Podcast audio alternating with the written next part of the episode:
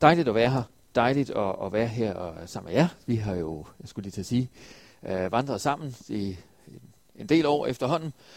Øh, jeg har et, et, et, øh, en, øh, hvad kan man sige, et emne, som jeg har taget frem, som, som egentlig jeg her på det seneste begyndt at opdage måske endnu større øh, dybde og desværre et emne, som jeg må sige, at, at, at jeg ikke... Øh, det er nok et emne, som man aldrig bliver ekspert på, men alligevel et emne, hvor jeg føler mig som en håbløs amatør øh, i forhold til, eller ikke en håbløs amatør, men i hvert fald langt bagud.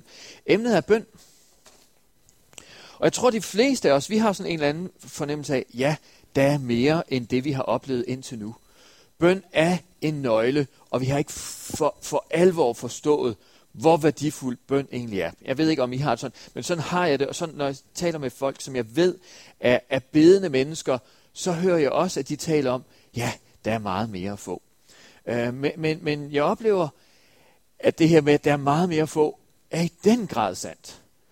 At der, at der at bøn, det at, at være sammen med Gud i bøn, er simpelthen en nøgle, som jeg ikke har råd til ikke at bruge. Jeg er simpelthen nødt til at forny mit bønsliv og gøre fremgang i mit bønsliv hele tiden, for ikke at miste terræn.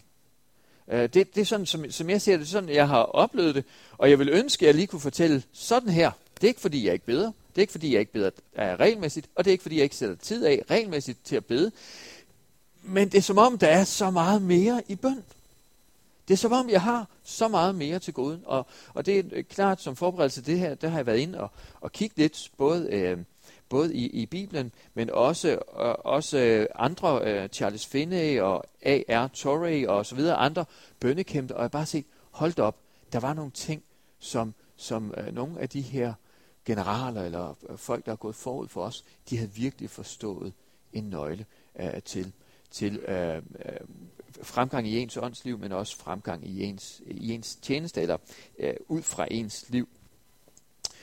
Jeg håber, det giver lidt mening for jer, at øh, det er det, som, som jeg har kaldt emnet vækkelsen, som går forud for vækkelsen. Hvis vi ikke bliver vagt på det her område, så kan vi snakke om vækkelse, men vækkelsen kommer ikke, for vækkelsen, tror jeg, det er min overbevisning, og det vil jeg også prøve ud fra skriften, at Gud han har brug for først at forberede sit folk og kalde os til bøn før end vores hjerter er der i takt med hans hjerte, sådan at han kan betro os en vækkelse. Vi er simpelthen nødt til det, og der er flere forskellige grunde til det. Den første grund, og det er der, jeg egentlig tager udgangspunkt i, den første grund til, at vi er nødt til at bede, det er fordi vi er i kamp. Vækkelse vil være at komme i kamp. Øh, I Efeserbrevet, der står der om, om bøn. Efeserbrevet kapitel 6, og det er den, jeg gerne vil tage udgangspunkt i i Feserbrevet kapitel 6, og så står der fra 10 til 19. Jeg læser ikke det hele, for jeg springer de midterste vers over. Hvorfor må vi bede? Vær stærke i Herren og i hans mægtige styrke. Ifører jer Guds fulde rustning, så I kan holde stand mod djævelens sniløb. Til for os står kampen ikke mod kød og blod, men mod myndigheder og magter, mod verdenshersker i dette mørke, mod ondskabens åndemagter i himmelrummet. Tag derfor Guds fulde rustning på, for at de kan stå imod på den onde dag, overvinde alt og bestå. Og så står der videre, Grib frelsens hjelm og åndens svær, som er Guds ord, under stadig bøn og anråbelse, skal I altid bede i ånden, og holde jer vågne til det, og altid være udholdende i forbøn for alle de hellige. Også for mig om, at jeg, når jeg åbner min mund, må få ord til frimodigt og gøre evangeliets hemmelighed kendt. Prøv at lægge mærke til, under stadig bøn og anrømpelse skal I altid bede i ånden og holde jer vågne til det, og altid være udholdende i forbøn. I den engelske, der står der med alle bønder. Med alle bønder skal I gøre det. Altså, øh, og når jeg tænker sådan under stadig bøn og anråbelse, altså alle bønder, når det står under stadig bøn og være vedholdende. Jeg synes, det er svært altid at bede en type bøn. Altså, det giver næsten sig selv. Vi kan jo ikke altid have fælles bøn. Uh, nogle gange er man for sig selv ikke. Men det er nogle gange svært at, eller hvad kan man sige, i mit liv, der har jeg forskellige typer bøn. Jeg beder forskelligt. Om morgenen beder jeg på en type. Under stadig bøn og anråbelse skal jeg altid bede, bede i ånden, hold jer vågne til det og altid være udholdende i forbøn. Her øh, går Paulus ind og siger, I skal bede på, på, på alle måder, alting. Alle, alle bønder har, har værdi, og, og, og øh, jeg tror, det har værdi, man skal sætte tid af om morgenen. Det tror jeg simpelthen.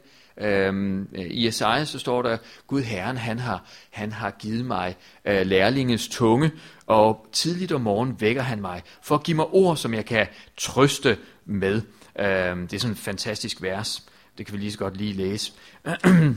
Gud Herren har givet mig disciples tunge, så jeg med mine ord kan hjælpe den trætte. Hver morgen vækker han mit øre, og jeg hører som en disciple.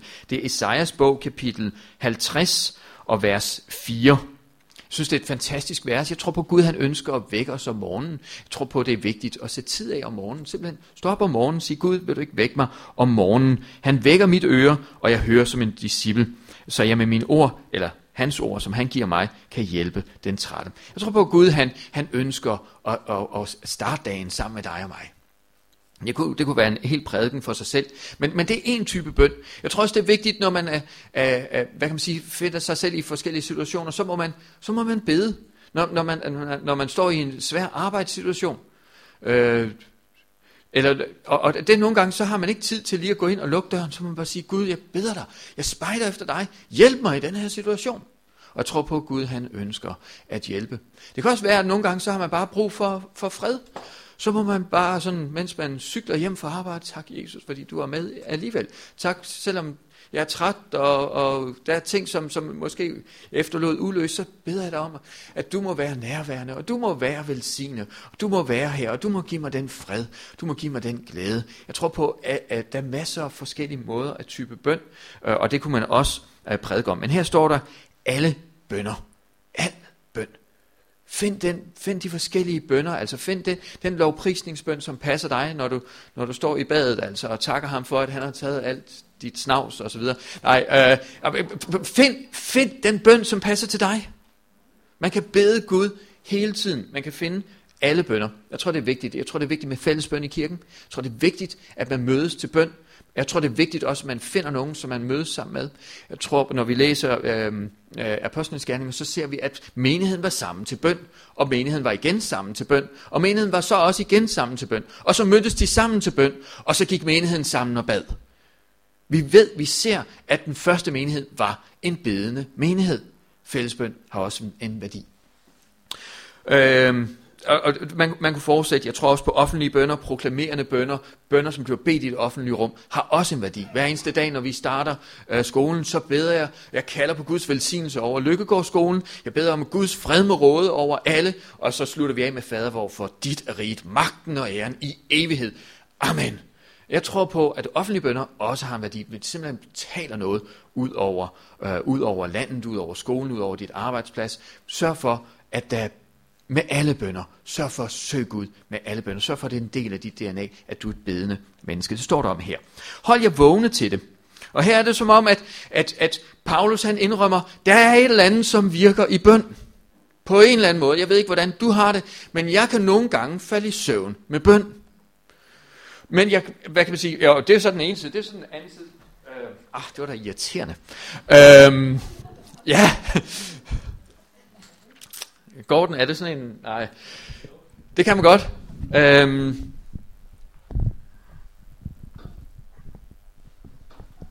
yes. Ah, den er, så bliver der sådan lidt teleevangelist over det hedder det ikke sådan noget folk der går frem og tilbage men øh, det er simpelthen fordi, jeg kan godt lide lige at gå lidt frem og tilbage. Sådan. Øh, tak. Tak, Lise. Nu ved I, hvorfor jeg altid har den der. Det er fordi, jeg kan simpelthen ikke stå stille. Nej, det,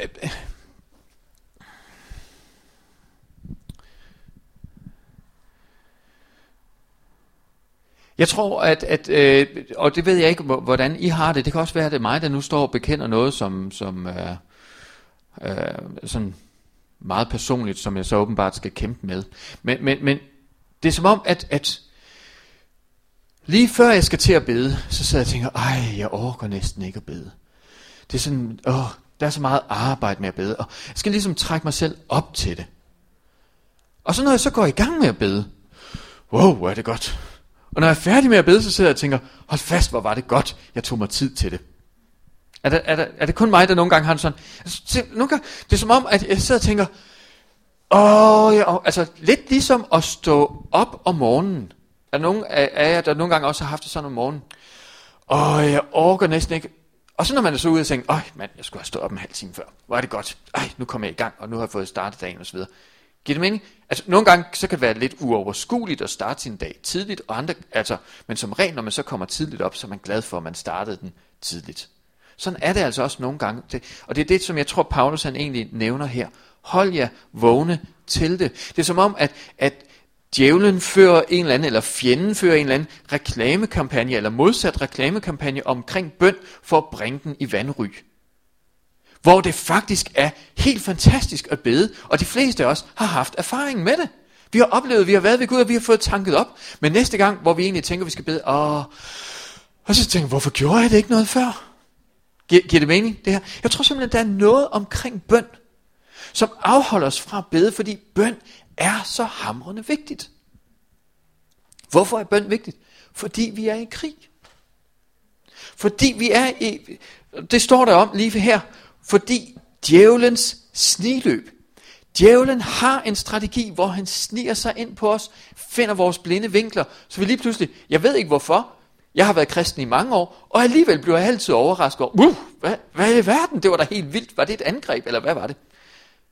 Øh, har I aldrig oplevet, at det simpelthen er fuldstændig overrumtende, og stjæler hele horisonten, så man sidder og tænker, wow, Gud, hvor er du henne? Og, og, og, og så lige pludselig så kommer Gud og hjælper en, og så sidder man og tænker, hvorfor i verden kom jeg sådan i anfægtelse? Jeg vidste jo, det var et angreb. Har I aldrig prøvet det? Så jeg har nogle gange prøvet, lige nu, så har vi det sådan, eller nu, nu kan vi stå her og bekende, fordi det faldt i orden i går. øhm, for fire uger siden, tre eller fire uger siden, vi bor til, til leje i et dejligt hus. Vi oplever Gud, han har givet os det hus der. Så fik vi lige en mail fra dem, vi har lejet af. Vi kommer i øvrigt tilbage i sommerferien, fordi vores børn faldt ikke til i USA. Vi vil selvfølgelig gerne bo i vores hus. Okay. vi troede, vi lige skulle bo der lidt længere tid. Og vi havde ikke fået vores hus solgt i skjern, så vi tænkte, åh oh, nej, vi har sagt ja, jeg har sagt ja til noget ekstra arbejde og så videre. Vi har også noget arbejde i, i menigheden i Kolding og, og, og så videre. Så det er ikke fordi, vi sådan sidder og tænker, nå jamen, vi har ikke andet, vi skal lave. Øh, men så kommer der lige en flytning også lige ind over.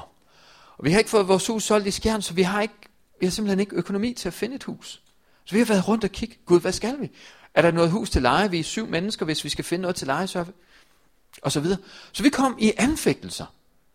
Vi sagde, Gud, hjælp! Hvordan skal det falde på plads i løbet af en sommerferie? Og så sagde vi, Gud, vi beder dig om, at når vores sommerferie starter, så må det være falde på plads. Og jeg stod fredag aften. Fredag aften, der spørger kollegerne så og siger, Simon, hvad så? Hvad, øh, hvad gør du så lige her i sommerferien? Så jeg, jeg ved det ikke. Jeg ved det simpelthen ikke. Jeg ved bare ikke andet, end at lige nu, så ved vi ikke, hvor vejen går. Men vi tror på, at som Gud, han har hjulpet indtil nu, så skal han også hjælpe os igen. Og så har Christina så lige fundet nogen på Facebook, som hvis forældre gerne ville have deres hus til leje. Og der tog vi ud lørdag formiddag. Fredag aften anede vi ikke noget.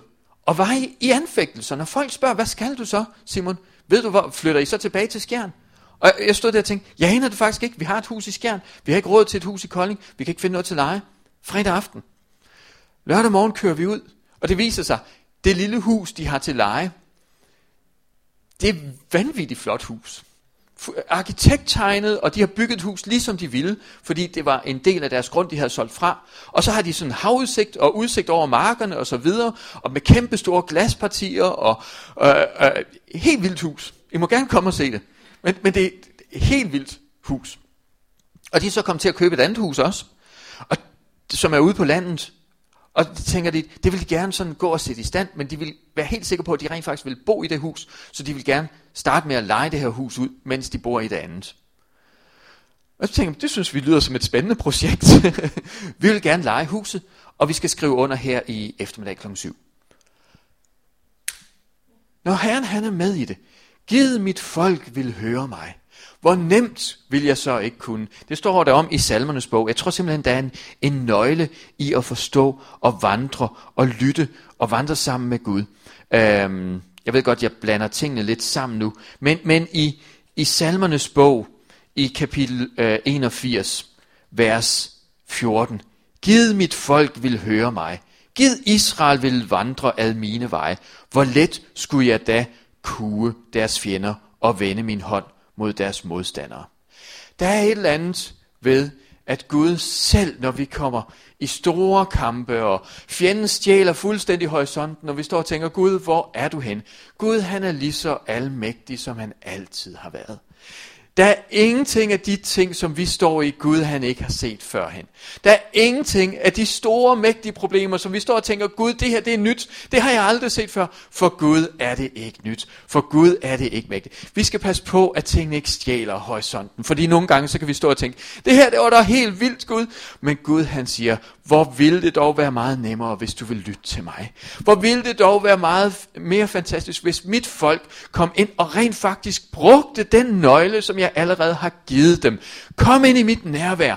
Lyt til mig. Bliv i mit ord. Lad mit ord blive i jer. Så vil I opleve, at når jeres vilje kommer til at være i samklang med min vilje, så kan I bede om hvad som helst.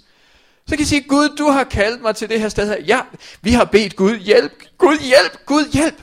I stedet for at vi kunne sige, Gud, du har kaldt os til det her sted, så nu kalder vi også på det hus, som du har til os, at det må ske. Fordi Gud har jo kaldt os til byen, det ved vi jo. Men vi kom sådan i anfægtelse. Vi sagde, Gud, vi begyndte at sætte spørgsmålstegn til alt det, vi vidste. Fordi lige pludselig så var der nogle ting, vi ikke vidste. Vi vidste ikke, hvor vejen gik. Vi anede ikke, om Gud havde styr på det, og vi kom i anfægtelse og var klar til at sige, kan vide, hvad så med menigheden, og kan vide så med, med jobbet, og så videre. Vi kom fuldstændig i anfægtelse. Men Gud havde en vej. Vi kendte den bare ikke. Hvor er det vigtigt, at vi lever vores liv i bøn, fordi vi er i krig. Og ellers så kommer der sådan nogle sniløb, sådan nogle overraskelsesangreb, og lige pludselig siger det bare, bum! Og vi tænker, what? Hold dine øjne rettet mod ham.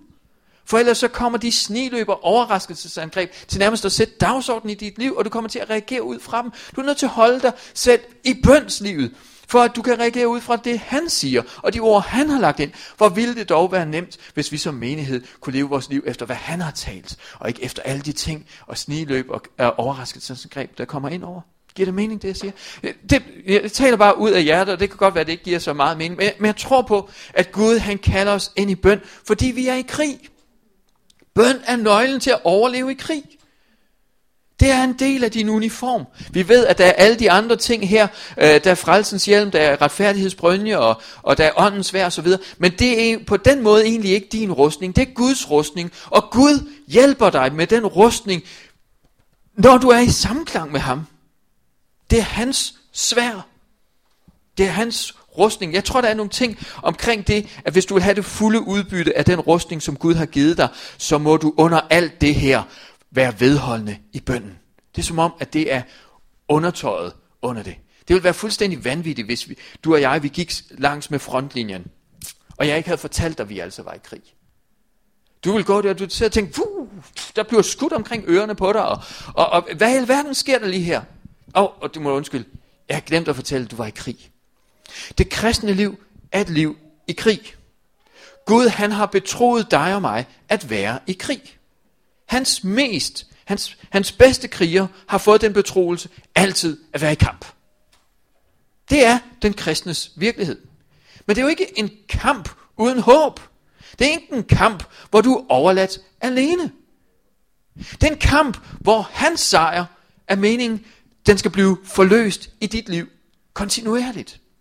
Sådan at du bliver sendt i krig i en sejr, han allerede har vundet, for at hans sejr kan blive din sejr, sådan at hans sejr kan blive kendt for alle mennesker, for magter og myndigheder. Det er sådan det, hvad kan man sige, det er en stor betroelse at sende dig i krig, men du er bare nødt til, når du er i krig, at trække på hans mægtige styrke og hans sejr i dit liv. Hvordan gør vi det? Stadig vedholdende bøn. Vi er nødt til at bede som enhed, for ikke at blive kanonføde. Giver det mening? Jeg, jeg ved ikke om det. Ja, det er min oplevelse. Jeg oplever det igen og igen. Jo mere jeg oplever af det, jo mere har jeg brug for at være i bøn. Så det er sådan lidt point of no return. Gud han ønsker os i bøn. Gud han ønsker, at vi skal søge ham i bøn. Hvorfor skal vi også mere bede? Jamen, jeg tror vi skal bede, fordi at det er... Øhm, Bibelen giver os et, et, et, et fremragende øh, eksempel i Jesus selv. Jesus han bad. Når Jesus han havde tjent, det står der om, at, at, at folk trængte sig ind på dem, og der var store folkeskare omkring ham, men han trak sig tilbage og bad. Det var som om han havde forstået, selv midt i, i succes, og wow, nu, nu piker det virkelig. Det er nu, vi skal smede. Det er nu, vi skal tjene. Folk samles og så videre. Men han tænkte ikke, som vi gør. Han tænkte, nu trækker jeg mig tilbage og beder. For at holde de her, for at holde de her ting, for at holde momentum i kirken, så er jeg nødt til at trække mig tilbage at bede. Wow, Gid jeg må være sådan. Gid jeg ikke må tænke, yes, nu går det rigtig godt. Nu, nu, nu, nu, nu er vi nødt til at holde tingene i gang i kirken. Ja, hvis du vil holde tingene i gang i kirken, så gå på din knæ og bed for kirken. Det er der, tingene holdes i gang. Jeg, jeg tror på det, men jeg kan også se, at i mit, i mit eget liv, der er nødt til at ændre nogle ting. Jeg er simpelthen nødt til at få det meget mere ind under huden, fordi jeg reagerer nogle gange så anderledes af det, jeg ser i Bibelen, og det, jeg ser hos Jesus. Jeg ser, at han da han så, at når han havde betjent mennesker, så trak han sig tilbage, og sagde han, Gud, nu, nu beder jeg. Og så når de kom og sagde til ham, prøv at se alle de her folk, der siger, nej, jeg skal til de andre byer også og forkynde evangeliet. Så havde han lige været inde og kalibrere fuldstændig. Så succes kan også nogle gange være forkert at navigere efter. Hvordan går man fri af det? Vær på din knæ. Find ud af, hvad er Guds kriterier for succes? Hvad er det, han gerne vil? Hvad er det, han kalder? Han ser ikke som mennesker. Nogle gange så er det fuldstændig oplagt. Jamen, der er der en gylden mulighed der. Nej, men det er ikke den mulighed, Gud han har. Den vej der til mig. Og der står også bagefter, så trak han sig tilbage, han bad hele natten, og morgen efter, så gik han i gang med at udvælge sine disciple. Jeg tror på, at der var en klar sammenhæng imellem, at han vidste lige netop, hvem det var, han skulle betro sig til, hvem det var, som skulle bære stafetten videre, og jeg tror, han fik den overbevisning i bøn. Jeg tror på, foran, før store beslutninger og, øh, i, i åndeligt lederskab, så er vi nødt til at bede. Vi er nødt til at sige, Gud, du kender alle hjerter. Du må vise os, hvor vejen går i de her ting her. Vi kan se at Jesus han gjorde det. Jesus han kommer også med den bekendelse, han siger, jeg kan intet gøre mig selv. Kun det jeg ser faderen gør, det er det jeg gør. Jeg kan ikke gøre noget som helst af sig selv. Og jeg tror, det betyder, at han ikke kunne gøre noget af sig selv. Og hvis Guds søn ikke kunne gøre noget af sig selv, men var afhængig af hele tiden at få vejledninger og, og, og, og, og uh, inspiration, eller på, på en eller anden måde være i kontakt med Gud, så tror jeg også, vi er det. Hvis du vil gøre fyldest i din tjeneste, hvis du vil gøre fyldest i, i dit kristenliv omkring dig, så må du bruge tid i bøn. Guds søn gjorde det. Jeg tror også, da det, det, øh, det er sådan lidt en, en, en øh, det var Torrey, der nævner det, har en af sådan stor øh, øh, øh, øh, kristen underviser øh, og, og, øh, og forkynder. Han har skrevet en del bøger, men han skriver, en af de ting, som inspirerer ham mest, det er rent faktisk det, Jesus han døde, og han opstod igen, og sidder nu ved faderens højre hånd. Han har fået et navn over alle navne. Hvad bruger han den position til? Den, det foretræde, han har foran faderen, hvad bruger han det til? Jo, det står i, i Hebræerbrevet. Jeg synes, det, det, det er interessant. Hvad bruger han det til? I Hebræerbrevet kapitel 7, vers 22. At Jesus han blev garant for en, en bedre pagt, mens de andre præster har været flere efter hinanden, fordi den døden hindrede dem i at fortsætte, har han et uforgængeligt præstedømme, fordi han sender til for evigt. Derfor kan han også helt og fuldt frelse dem, som kommer til Gud ved ham, fordi han altid lever og vil gå i forbøn for dem. Vi læser det også om i Romerbrevet, hvem er det, som kan skille os fra Kristi kærlighed? Nej, Kristus, det slutter af der, intet kan skille os. Kristus som, øh, øh, at, øh, hvordan det står,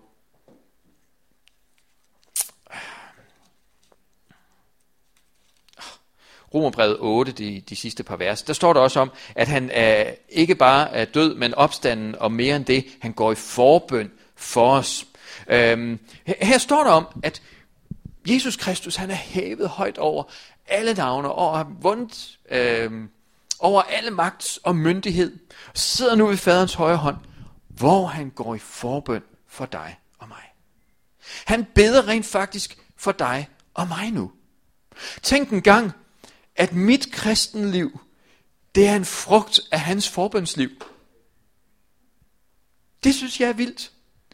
At Guds søn, han har ikke bare givet sit liv for mig, opstået igen, for at jeg kunne få del i hans sejr.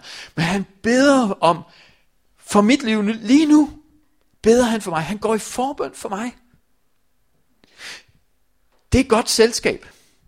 Jeg kunne godt tænke mig, at hans forbøn for mit liv resulterer i forbøn for Haderslev, for Kolding, for Danmark. Må hans, hans bønsliv give frugt i mit bønsliv.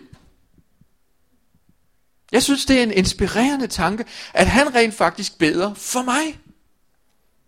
Man kunne godt sige, at han har gjort det godt nok, når han siger, at det er fuldpragt. Men han beder stadigvæk for mig.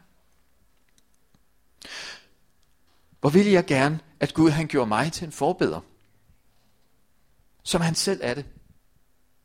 En, der går ind og siger, Gud, vi beder om dit ånds nærvær. Kom med din ånd over vores menighed, over dit folk, over Danmark. Forny dit værk ved din hellige ånd, udgivet af nådens og bøndens ånd. Jeg tror på det godt selskab. Jeg tror også på, at disciplene de forstod det. Vi ser igen og igen, som jeg nævnte før, at de, de var en bedende menighed. Men det står også om, at på et tidspunkt, så var der en hel masse, øh, øh menigheden voksede, og der var mange ting at se til i menigheden. Men der traf de et valg, meget tydeligt valg, og jeg tror på, at det er et pejlemærke for os. På et tidspunkt sagde de, det er ikke rigtigt af os, at vi gør så meget tjeneste ved borgerne. Vi må ikke forsømme det, som er vigtigere. Vi vil trække os tilbage fra den tjeneste ved borgerne, for at tjene med bønden og ordet. Prøv lige at lægge mærke til, læg mærke til den prioritering, de har. Hvor vil jeg ønske, at den kom ind under huden hos mig, hos os. Der er dog én ting, som er vigtigere. Det er bønden og ordet. Jeg tror, det er vigtigt. Jeg tror, det er, er vigtigt for apostlene. Jeg tror, det er vigtigt for dig og for mig. Jeg tror, det er for vigt, vigtigt for os som menighed. Jeg tror på, at det er derinde, vi tanker op.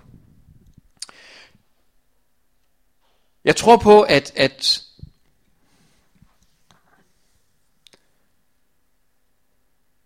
Jeg tror på, at det er sådan en helt, øh, en helt anden ting. Og jeg, jeg, igennem mange år, så har jeg nogle gange gået og undret mig. Jeg er vokset op i en kirke, hvor man altid har bedt.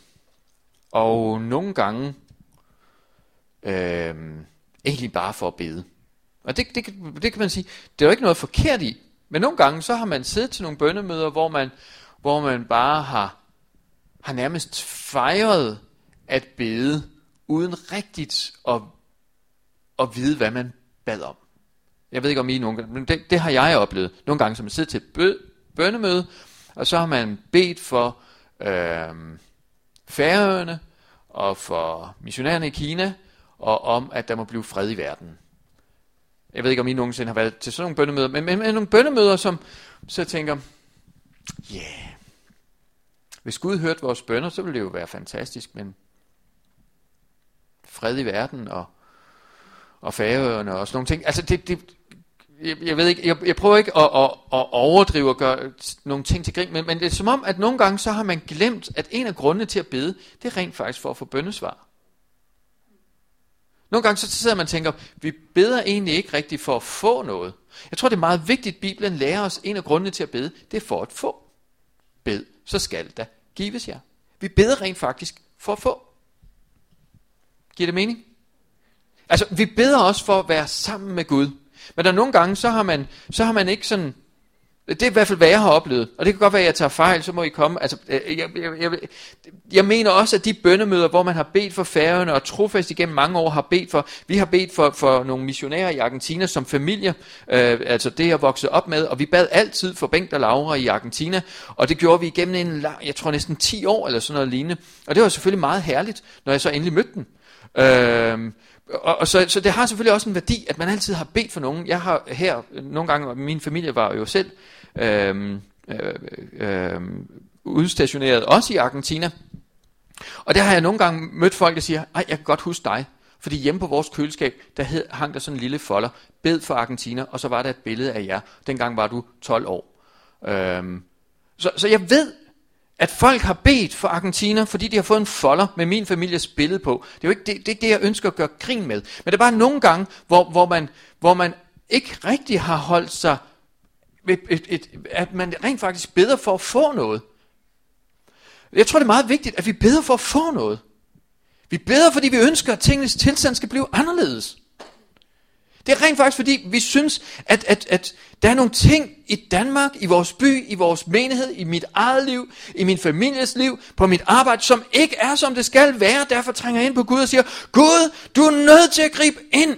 Gud, vis mig dit hjerte i det her, så jeg kan bede i overensstemmelse med dit hjerte, så jeg kan få det, som jeg længes efter, sådan at din vilje kan komme til udtryk over vores by, over vores land, over vores menighed, på mit arbejde. Gud, jeg længes efter bøndesvar, det er derfor, jeg beder som en, ja, som et desperat, døende mand i en ørken, som længes efter, kom Gud, kom ind over min familie. Jeg længes efter bøndesvar, det er det, der driver mig ned på min knæ. Jeg længes efter Guds ånd skal blive udgivet over Kolding. Jeg kan ikke holde ud og se øh, piger, som går rundt sådan 13, 14, 15 år, og de er allerede slukket i deres øjne. Jeg står og kigger på dem og tænker, hvem har taget livsknisten fra dem? Hvad sker der? Jeg ser unge mennesker, som går rundt, og de har ikke noget at leve for. Øh, render rundt, og så går de til styrketræning eller noget, og spørger man, hvad vil du gerne være? Det aner de ikke. De har ingen måler med. Jeg kan ikke holde det ud. Jeg kan ikke holde ud, at Guds ånd ikke virker stærkere i mit liv. Så skaber en forvandling i vores land.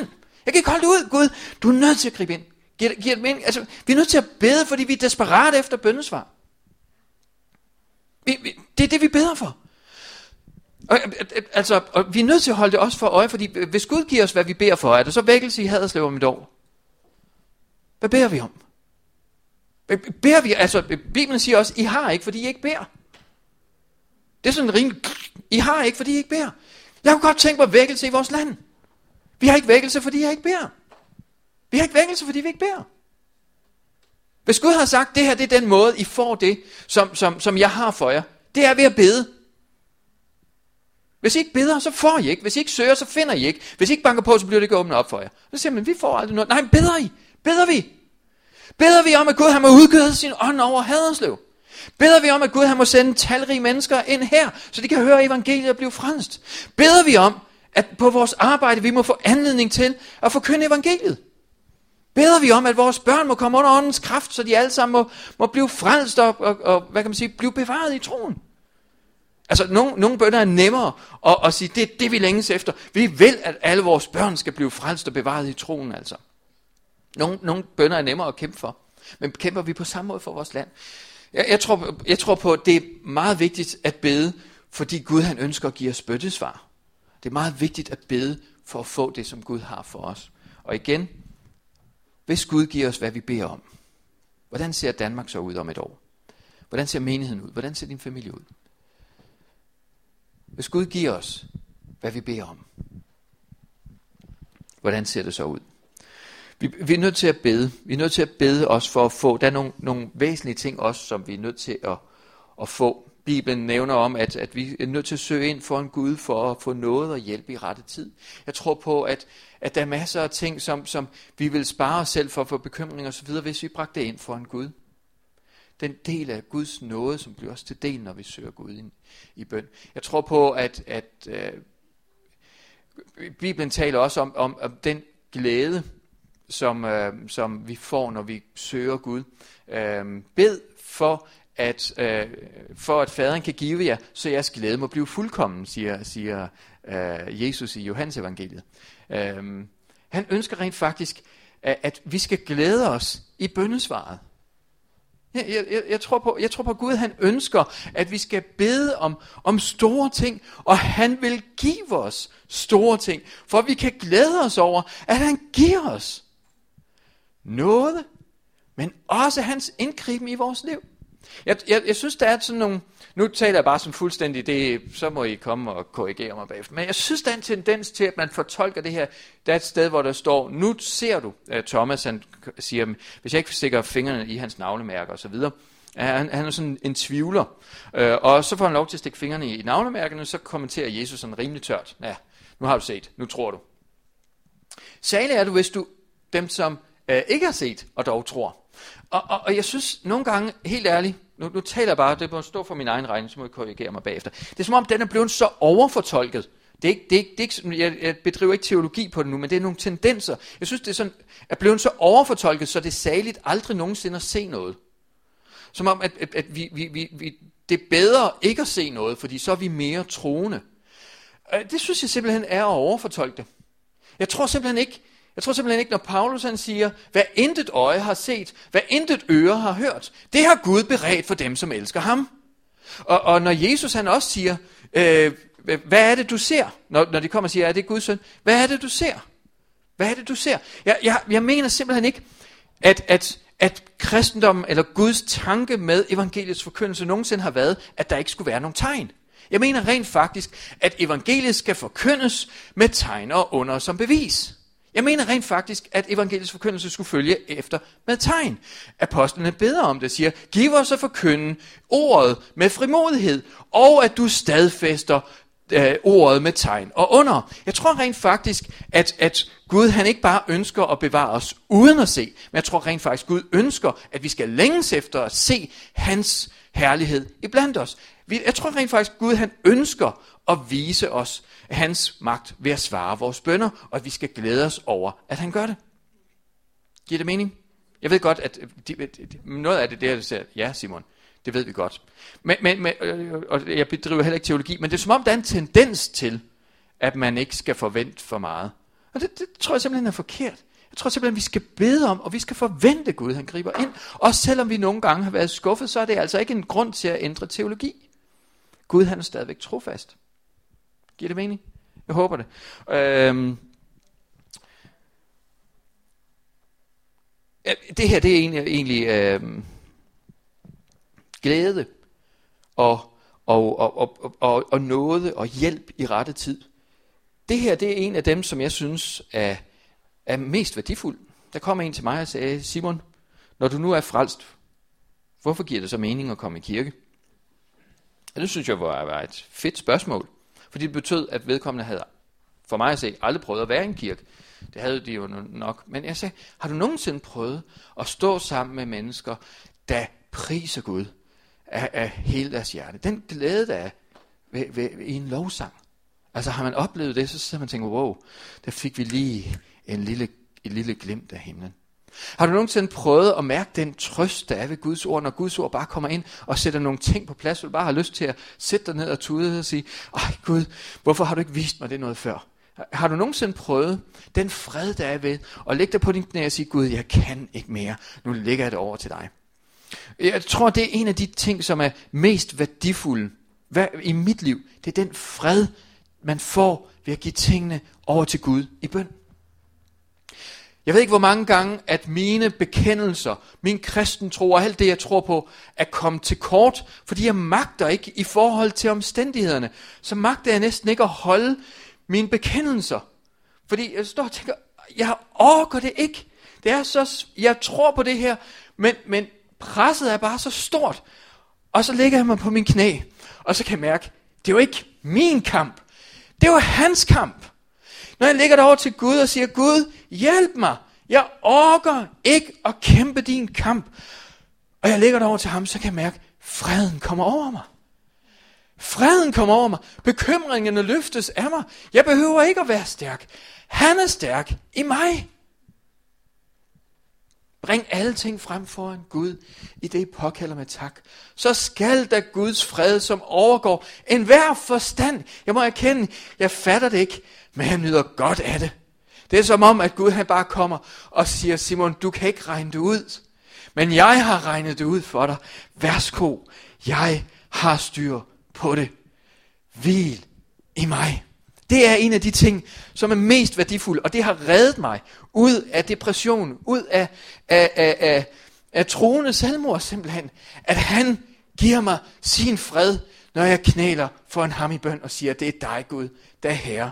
Jeg kan ikke selv. Jeg havde en bøn her for, eller en, en bøn, jeg havde en drøm her for, for ikke særlig længe.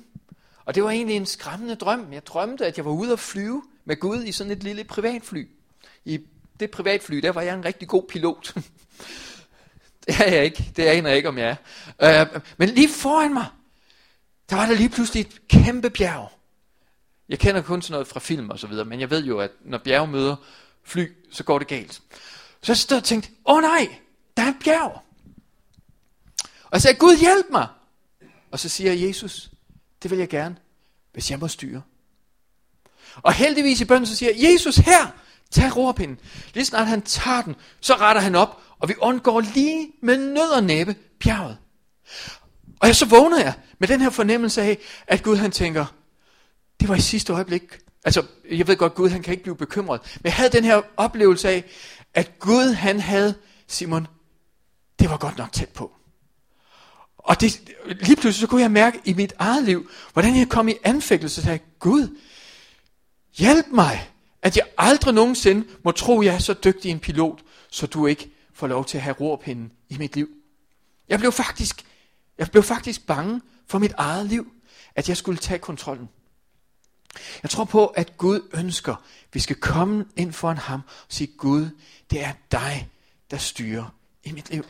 Det er dig, det er dig, der står inden for mit liv. Jeg kan ikke, ligegyldigt om, jeg kunne godt i mange religiøse sammenhæng, bilde mig selv ind, at jeg har taget flycertifikat. Ja, der er nogle ting, jeg har lært mig ved at gå rundt i kirker og ved at kende Gud i mange år. Men han er stadigvæk min pilot. Jeg er ikke pilot i mit eget liv, og det er hammerne vigtigt, for at jeg kan komme frelst i mål, at han får lov til at sidde ved roret stadigvæk, ligegyldigt, hvor dygtig og så videre, og så videre, man bilder sig ind, at man er. Man kan ikke frelse sig selv. Den fred, som Gud giver, den overgår enhver forstand. Og vi er nødt til, og det må jeg indrømme nogle gange, så er jeg nødt til at bede længere tid. Nogle gange er jeg nødt til at bede i lang tid. Og det er sådan set ikke fordi, at mine bønder ikke er gået, men det er fordi, det tager utrolig lang tid for at have Pedersens vilje, den bliver underlagt Guds vilje. Det kan nogle gange tage en time. Det kan nogle gange tage lang tid, hvor jeg sådan siger, Jesus vil ikke nok gøre det. Jesus vil... Og så jeg tænker, åh, jeg har glemt at lytte. Jeg har glemt at lægge mit liv ned. Mit udgangspunkt har simpelthen været forkert. Der er en fred ved at lægge sit liv ned for en Gud. Jeg kan mærke, at det her, det er det, som, som jeg skulle lige til at sige, det er det, jeg kom her for at sige. Øhm. Og, og, og øh, øh, jeg tror på, at vi skal, vi skal øh, søge Gud i det. Jeg har nogle, nogle jeg kunne godt tænke mig lige at tage to, men jeg, og, og så vender vi tilbage til det her. Øhm, der, der er nogle, nogle ting mere. Jeg tror på, at, at hvis vi ser uh, disciplene, så bad de om, at Helligånden måtte komme over dem, og Helligånden kom over dem. Der er ikke meget åndsudgydelse uden bøn. Og jeg tror, det også er vigtigt, at vi siger, et liv i bøn er også et liv i Helligåndens kraft, og vi lever vores liv der. Jeg tror på, at der er også en, en anden side af det, der står om, når Jesus han taler om, om de sidste tider, så siger han, våg og bed for, at, at den her dag ikke skal komme over jer. Jeg tror, der ligger nogle ting, det er den anden side af, af det, jeg startede med at sige. Det er som om, at, at, at, at, at fjenden prøver at bevæge os væk fra et levende bønsliv, fordi han ved, at det er nøglen. Øhm, øh, så, så ligger der også nogle ting i, at Lad os lige prøve at, at, at kigge i Matteus evangeliet, det er det sidste vers, fordi jeg tror, vi skal vende tilbage til og lige øh, give vores, vores liv over til Gud med alle de ting, som, som, som, som rører sig. Men, men lad mig lige slutte af med Lukas evangeliet kapitel 21, vers 34, tager tag jeg i agt, så jeres hjerter ikke sløves af svir, drukkenskab og dagliglivets bekymringer, så den dag pludselig kommer over jer som en snare, for den skal komme over alle dem, der bor ud over hele jorden, hvor altid er bed om, at de må få styrken til at undslippe. Undskyld, jeg læser så hurtigt. Øh, kapitel 21, vers 34-36. Tag jer i jagt, så jeres hjerter ikke sløves af svir, drukkenskab og dagliglivets bekymringer, så den dag pludselig kommer over jer. Våg altid og bed i vers 36. Våg altid og bed om, at I må få styrken til at undslippe alt det, som skal ske, og til at stå for en menneskesøn. Her står der, sløves af svir og drukkenskab og dagliglivets bekymringer. Dagliglivets bekymringer druk og svir, altså, hvad kan man sige, men tillade mig at, at moderere det lidt, øh, underholdning. Jeg har oplevet nogle gange, at de ting, som på den måde ikke er forkert, når jeg gør indrømmelser over for det, og siger, at jeg har også lige brug for fire timers fjernsyn. Ej, det ved jeg ikke. Det er sjældent, man planlægger at se fire timers fjernsyn, men nogle gange så opdager man bagefter, hov, det havde jeg ikke planlagt, men det blev det. det er som om, at underholdning og, og sådan nogle ting, det gør noget ved os. Og der må vi være bevidste om, der er ikke noget på den måde forkert i det, men det gør noget ved os, som modvirker din opmærksomhed omkring bøn. Det er det, der står om her. Og der står rent faktisk på den måde, at du er nødt til at være vågen til bøn, for at bevare dig selv vågen til bøn. Så der er sådan et eller andet selvforstærkende i det. Og, og det problemet ved søvn er jo, at du ikke ved, at du har sovet, før du vågner. Er det ikke rigtigt? Du ved ikke, du har sovet, du ved ikke, at, og der er et eller andet med mangel på bøn, at du ved det ikke, før du går i gang med at bede. Så sidder jeg og tænker, hvor er det godt, hvor er det lang tid siden Gud? Og Gud siger, ja, jeg har ventet. Altså, der er et eller andet omkring bøn, som vi er nødt til at holde os vågne til, for at holde os vågne til det. Det er selvforstærkende. Jo mere vi beder, jo mere vil vi længes efter bøn, jo mere vågne, jo mere bevidste vil vi blive omkring det. Vi er nødt til at investere vores små længsler, for at få større længsler, for at Gud kan give os endnu større længsler, for at Gud kan lede os ind i et, et folk, som er desperate. Men hvis vi ikke starter med at investere vores små længsler, det lille kald, som er i dag, det lille ord, som Gud han drager ind og siger, du må, der er nogle ting, som, som jeg har kaldt dig til for lang tid siden. Det, det er på tid, du begynder at gøre noget ved det nu. Hvis vi ikke reagerer på det, så vil det aldrig tage til. Så vil vi aldrig opdage, at vi var en menighed eller et folk eller kristne, som, som var ved at blive lullet i søvn. Det er tid, at vi stiller os op og begynder at bede og begynder at kæmpe. For der er noget at kæmpe for. Og Gud har lovet os sejr, hvis vi bare vil kæmpe for ham. Hvis vi bare, øh, hvad kan man sige, han har jo vundet. Han har en plan for Danmarks frelse. Han ønsker bare, at der er nogen, der vil kæmpe sammen med ham. Og vi må regne det som et privilegium at kæmpe sammen med ham i bøn for vores land. Han har en plan. Han vil gerne invitere dig og mig ind og blive en del af den plan. Det er et privilegium. Vi må passe på, at vi ikke falder i søvn. Jeg tror på, at der er forskel. Jeg har noteret mig nogle gange, så har man, øh, fordi man har læst om, om Herrens dag og de sidste tider, så har jeg været til nogle seminarer, hvor man har talt om de sidste tider, og, og talt om, om, om åbenbaringsbogen og så videre. Jeg har noteret mig en ting. Det er sjældent folk bliver fyldt med fred af at beskæftige sig med emnet. Jeg har noteret mig, at der er stor forskel på at vide omkring de sidste tider, og så være forberedt på det. Her står der rent faktisk, giver det mening det jeg siger? Jeg, jeg synes nogle gange, man har været til seminarer, så har man snakket om, om, om, om tusindårsriget, og om dyrets tal, og alle de her ting her, og folk de bliver sådan lidt, uh, her står der, der er forskel på at vide om det, og interessere sig for det, og få undervisning i det, og så være forberedt på det. Her står der, bed og våg, for at du ikke skal blive overrasket. Hvis du vil være forberedt, så må du være en bedende kristen. Hvis du vil være garderet imod, at de her ting her, de kommer ind sådan, så må du bede. Gud han ønsker et forberedt, et velberedt folk, som tager imod ham, når han kommer. Han ønsker en bedende menighed. Jeg tror på, at vi øh, nu jeg tror på det her, det, det, det er et kald til menigheden, og grund til, at jeg lige runder det, det er fordi, det, det er egentlig noget, som, som har rørt sig i mig og, og, og, og i menigheden, også i Kolding, at Gud han kalder os ind og bede for vores land. Men jeg tror lige netop her i dag, så er der nogle ting omkring Guds fred.